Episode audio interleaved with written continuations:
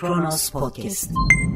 Aptallık etme denilen bir mektubu neredeyse gündeme bile getirmeyen ama başkan adayının aylar önce söylediği sözlere yeni söylenmişçesine üst perdeden hamasi tepkiler veren bir iktidar tarafından yönetilen ülke Türkiye. 16 Ağustos 2020 Pazar tarihli yorum seçkisiyle Kronos Podcast yayınından merhaba.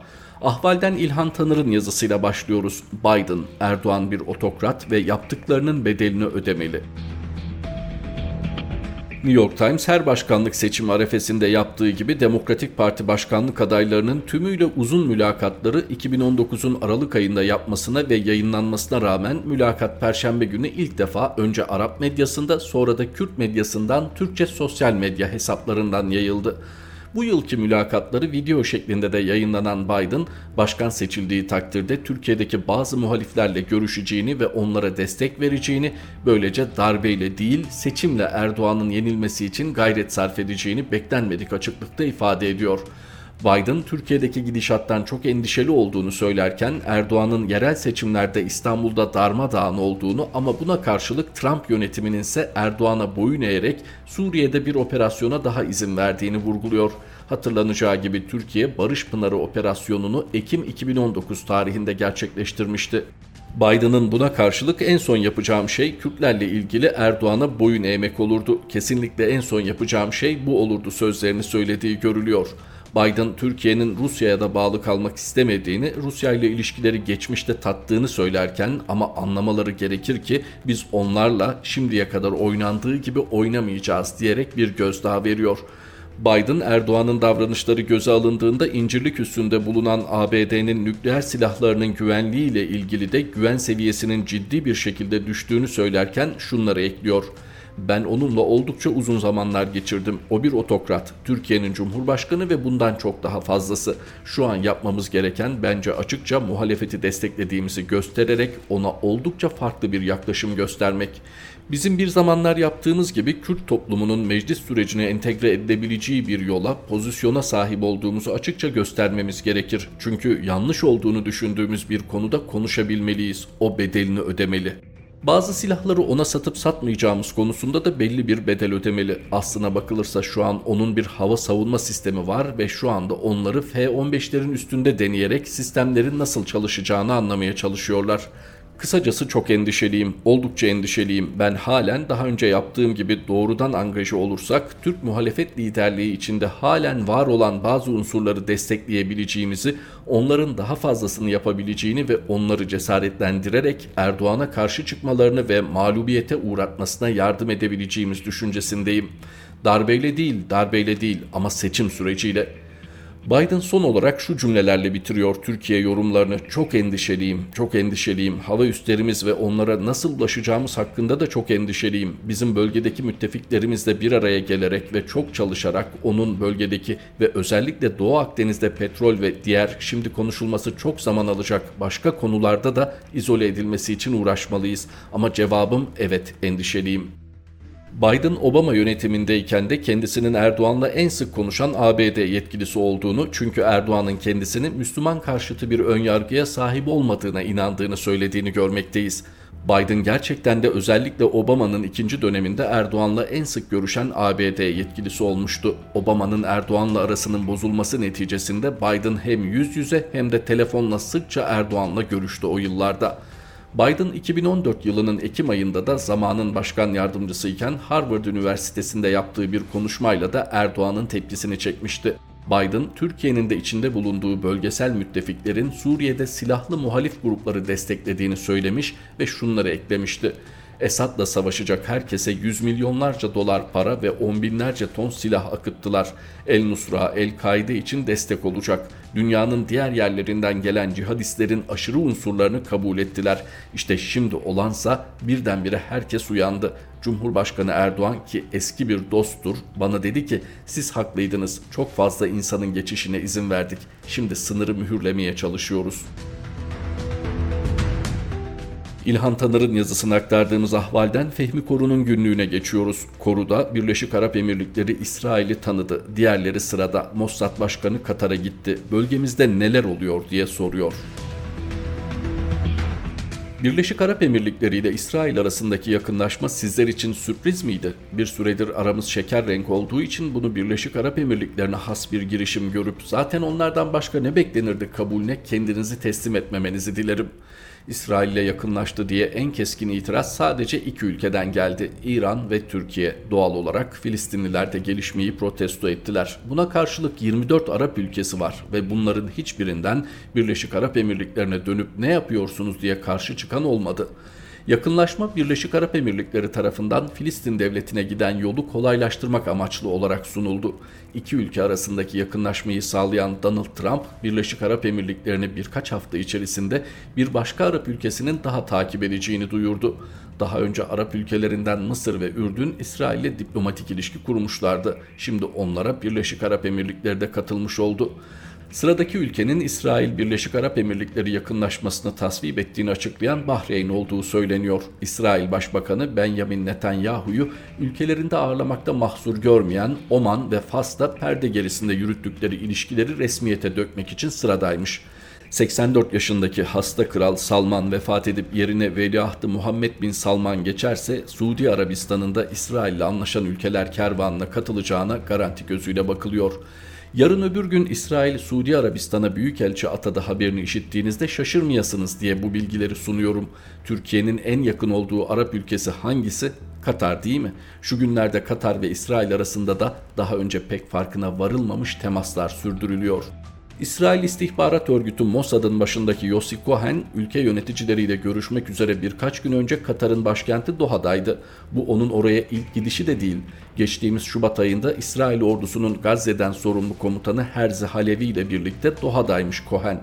Gerçi müzakere tek maddeliymiş. Mossad, Hamas görevlilerine maaşlarını ödeyebilsin, ihtiyaç sahiplerine yardım yapabilsin ve en önemlisi Gazze'nin enerji ihtiyaçları karşılanabilsin diye Katar'ın yapmakta olduğu para yardımını devam ettirmesini istemekteymiş. Müzakeredir. Tamam yardıma devam edelim cevabından sonra neler konuşulduğunu bilemezsiniz. Yine de bana garip gelen bazı ayrıntılar var. Birleşik Arap Emirlikleri'nin İsrail ile yakınlaşmasına yakından bakalım. Hafızalarınızı biraz olsun zorlamanızı isteyeceğim.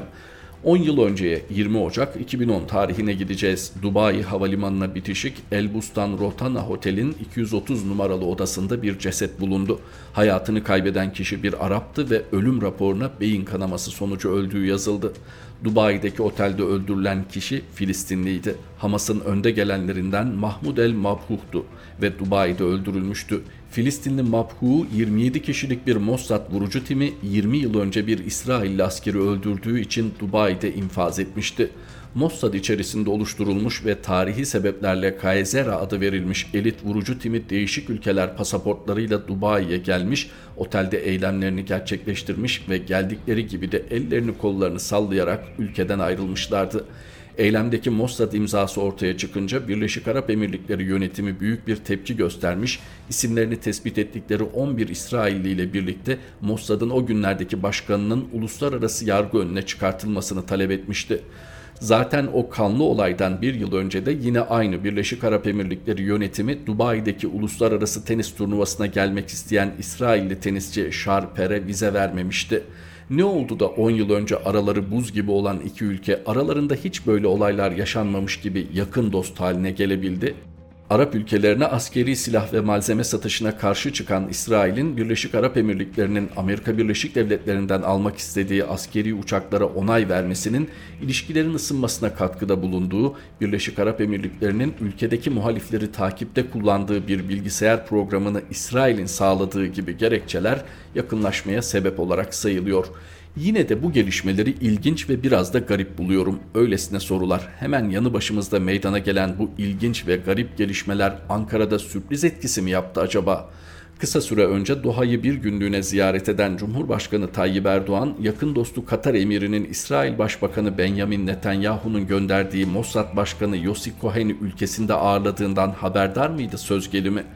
Katar'ın Gazze'ye ve Hamas'a yaptığı yardımları İsrail'in ricasıyla yaptığı Türkiye tarafından biliniyor mu? Adını bu kadar anmışken Hamas ve Türkiye ilişkileri konusunda İngiliz basınında çıkan bir haberi de duyurmak isterim. İktidardaki muhafazakar partiye yakın Daily Telegraph gazetesinde önceki gün yayımlandı haber. Türkiye, Hamas'ın operasyonel unsuru 12 Filistinliye vatandaşlık ve tabii pasaport vermiş bu habere göre. Gazete bu haberi Türk vatandaşı haline gelen bu Filistinlilerin bizlerin vizesiz seyahat edebildiğimiz ülkelere gidip terör eylemleri yapmaya hazırlandığı iddiasıyla birlikte sunmakta. Gelin de benim gibi ne oluyor diye sormayın.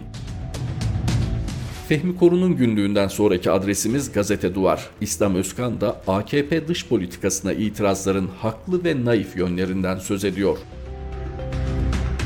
Türkiye'nin Suriye'deki askeri operasyonlarının ardından Libya'daki sürece müdahil olması bizim Orta Doğu bataklığında ne işimiz var tartışmalarını yeniden gündeme getirdi özellikle az sayıda muhalif ama iktidarın ulusalcı çizgisini muhalefet adı altında başka biçimlerde içselleştiren basın yayın organlarının uzun süredir meseleyi ihvan destekçiliği ekseninde ama her şeyi aynı sepete boca eden bölgedeki hassas dengelere odaklanma ihtiyacı hissetmeksizin sekter bir dinsellik karşıtı çizgide ele almakta ısrar ettiği görülüyor. Bu tutumun daha solunda yer alanlarınsa benzer dinamiklerle ama farklı sahiplerle eleştirel çizgiyi daha ileri noktalara götürmeye çalıştığına tanık olunuyor. Bu son yaklaşım AKP'nin içeriyle dışarı arasında fark gözetmeyen, dış politikayı iç politikanın bir aparatı haline getiren meydan okumasını aynen kabul edip buna misliyle mukabele ederek madem sen iç dış ayrımı gözetmiyorsun ben de gözetmiyorum modunda ilerliyor. Stratejik bir duruş geliştirerek defansı kendince sağlam bir noktada kurmaya çalışıyor.'' AKP politikalarını sistematik ve bütünlüklü bir muhalefet çizgisiyle göğüsleyip etkisizleştirmeyi hedefleyen bu yaklaşım giderek otoriterleşen AKP iktidarına yönelik etkili muhalif çizginin ancak topyekün bir reddiye çerçevesinde geliştirilebileceği naifliğine de düşebiliyor. Arapların işlerine karışma ya da daha stratejik bir dille Orta Doğu'da çıkarlarını maksimize etme amacıyla gerçekleştirdiği AKP müdahalesine ilişkin tartışmalar iktidarın baskısı ve düşük seviyeli tartışma ortamı yüzünden giderek sekterleşiyor. Hatta iktidar sahiplerinin seviyeyi kasıtlı olarak düşürerek meseleyi analitik bir bağlamda ve sistematik olmaktan uzaklaştırarak kendi iç çelişki ve tutarsızlıklarının koşullanmamış, zihni boş kitlelere ulaşmasının önüne geçmeye çalıştığı bile söylenebilir. Tıpkı ekonomi gibi dış politikada da işin ahlaki yönü olduğu gibi fayda maslahat boyutu da mevcut ve ahlaki zeminden yoksun maslahatçılığın giderek AKP'nin içinde debelendiği girdaba sürükleyeceğini fark etmeyen aymazlıkla meseleyi katı ideolojik zeminde algılayan zihinsel tutum arasında sıkışıyor tartışmalar. O nedenle AKP'nin yanlış ideolojik çizgisine işaret edip dış politikayı ya da herhangi bir politik meseleyi etikten ve moral değerlerden soyutlamaya çalışmak en az iktidarınki kadar sorunlu bir yaklaşımı teşkil ediyor. Dil sertleşirken mesele muhtevasından boşaltılıyor, dış politikanın rasyonel bir temelde analiz edilmesi imkanı giderek yitiriliyor. Muktedir partinin yer yer acziyet içerisine düşen açılımlarına haklı itirazlar getirilirken mesele giderek seküler dinsel ayrımını zeminleştiren toptancı bir vizyonun labirentlerinde yitiriliyor meselenin dinsellik olmadığı, en azından salt dini bir perspektiften kaynaklanmadığı, ihvana ilişkin tavrın doğru ya da yanlışlarının ayrıntılarına girmek lüzumsuz bir uğraş addedilirken, atiz ile itizinin birbirine karıştığı atmosferde aklı selim heba ediliyor.'' AKP'nin dış politikasına köklü eleştiri getirdiği halde Mısır darbesini eleştirip Sisi yönetiminin baskıcı tutumuna tavır alanlar ihvancılıkla damgalanıp etkisizleştirilirken AKP'nin Mısır ya da Arap coğrafyasının bir başka parçasında işlediği yanlışlara daha sahice eleştiriler getirme imkanı ıskalanıyor.'' Yaratılan kurgusal vizyonda Kemalist ideolojinin tek parti döneminin kendi koşulları içerisindeki pasifist tutumun birebir günümüze taşınması savunularak Arap ve İslam dünyası ile ilişki kurmanın bizzat kendisi kriminalize ediliyor. Farklı bir zaman diliminde yaşadığımız gerçeği göz ardı ediliyor. Daha da kötüsü başka ülkelerin iç işlerine müdahale etmek yerine etik zeminde adil ve hakkaniyetli bir dış politikanın yürütülmesinin önüne aynı sektör tutumla setler inşa ediliyor.'' Gazete Duvar'dan İslam Özkan'ın yazısıydı. Artı gerçekteyiz. Şimdi de Ayşe Düzkan yaşasınlar ki adalet nefes alsın başlığıyla adil yargılanma isteyen avukatların kritik sağlık durumlarını dikkatlere sunuyor. Hukuk müesses nizamı korumayı hedefler. Müesses nizam yani kurulu düzen çeşitli eşitsizliklerin daha önemlisi çeşitli sömürü ve baskı mekanizmalarının uyumla bir arada işlemesiyle oluşur. Hukuk bu uyumu sağlar. Bu evrensel bir doğru. Farklı hukuk sistemleri arasındaki sömürülen ve ezilenlerin lehine değişiklikler asırlar boyu verilen mücadelelerle sağlanmış. Evrensel gerçeklikle ilgili bu bilincimiz Türkiye'de tam tersi bir gelişme olduğunu görmemizi de sağlıyor. Hukukun gerektirdiği tutarlılık, benzer vakalar arasındaki simetri gibi faktörler artık mücadeleyle sağlanabiliyor. Eskiden de intiba ve kanaate dayanan emniyet fezlekeleriyle insanlar yargılanır, hiçbir delil yokken örgütlü oldukları, örgütler adına suç işledikleri iddiasıyla ağır cezalar alırlardı. Eskiden de baskı ve işkence altında insanlar birbirlerini suçlamaya zorlanır, o ifadelere dayanarak cezalandırılırlardı başlığında terör ve örgüt kelimelerinin geçtiği davalarda hiç kuru bulunamasa bile nice yaşlar yakılabiliyor. Yasal siyasal faaliyetlerinden dolayı hüküm giymiş binlerce insan var. Bir kadını öldürdükleri, bir çocuğu istismar ettikleri halde normal hayatlarını sürdüren binler de var.'' Yine başlığında terör ve örgüt kelimelerinin geçtiği davalardan yargılanan insanlar ceza almasalar bile iş bulmakta güçlük çekiyor, iktidarın hazretmediği siyasal akımları benimseyenlere kimse selam bile vermesin isteniyor ve en önemlisi bu insanları mahkemelerde savunan avukatlar da baskıyla karşı karşıya. Oysa savunma hakkı adaletin en önemli unsurlarından biri. Bugün müvekkillerinin üyesi olmakla suçlandıkları örgütlere kendilerinin de üye olduğu iddiasıyla hapiste olan avukatlar var. Cümle biraz karışık olmuş olabilir. Yargı bir örgütün üyesi olmakla suçlananların avukatıysan sen de o örgütün üyesisindir diyor. Bazen müvekkillerin o örgütün üyesi olduğuna dair yeterli delil olmadığında bile. İşte adil yargılanma talebiyle ölüm orucunda olan Ebru Timtik ve Aytaç Ünsal da bu avukatlardan Halkın Hukuk Bürosu'nda çalışıyorlar. En son 2017'de aralarında bu ülkede hukuku en iyi anlatan insanlardan biri olan Selçuk Kozağaçlı'nın F tipi cezaevlerine karşı yaptığı ölüm orucuyla kamuoyunun tanıdığı Behiç Aşçı'nın da bulunduğu başka avukatlarla birlikte tutuklandılar. Bir yıl sonra 2018'de salı verildiler. 24 saat sonra tekrar tutuklandılar. Mahkeme gayet bonkör.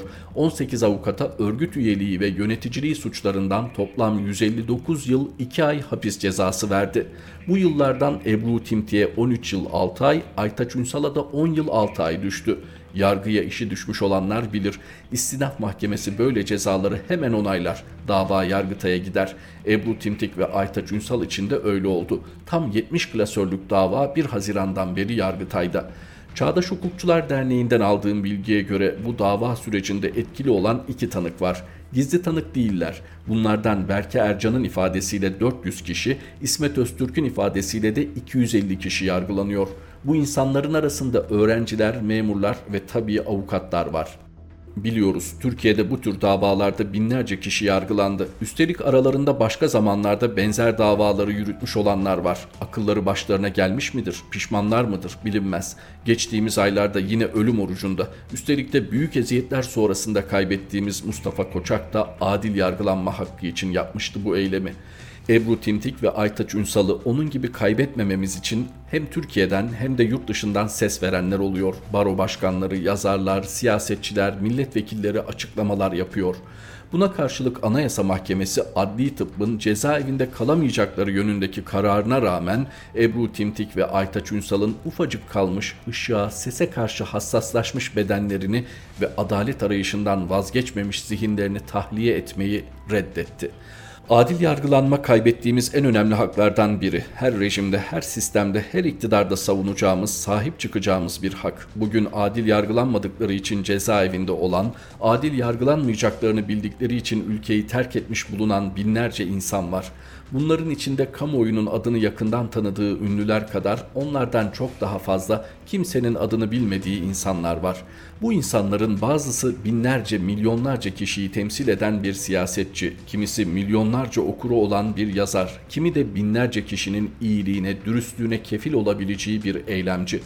Bu insanlara yönelik hukuksuz yargılamalarla ilgili çeşitli kampanyalar düzenleniyor. Bunların hepsi anlamlı tabii. Ama adil yargılanma hakkı için mücadele herkesi Anadolu'nun bir köşesinde bazen ne sebeple yargılandığını bile bilmeyen bir öğrenciyi, yasal bir sendikanın üyesi olmakla suçlanan bir öğretmeni, ünlüyü, ünsüzü, yargılananı, henüz yargılanmamış olanı hepimizi kapsıyor ve ilgilendiriyor. O yüzden çok değerli ve anlamlı bence. Ebru ve Aytaç yaşasın, yaşasın adil yargılanma hakkı. Artı gerçekten aktardığımız Ayşe Düzkan imzalı satırlar bu birlikteliğimizdeki son paylaşımımızdı. Mehmet Şahin yeni yorum seçkimizde Kronos Podcast yayınında tekrar buluşmak üzere. Hoşçakalın. Kronos Podcast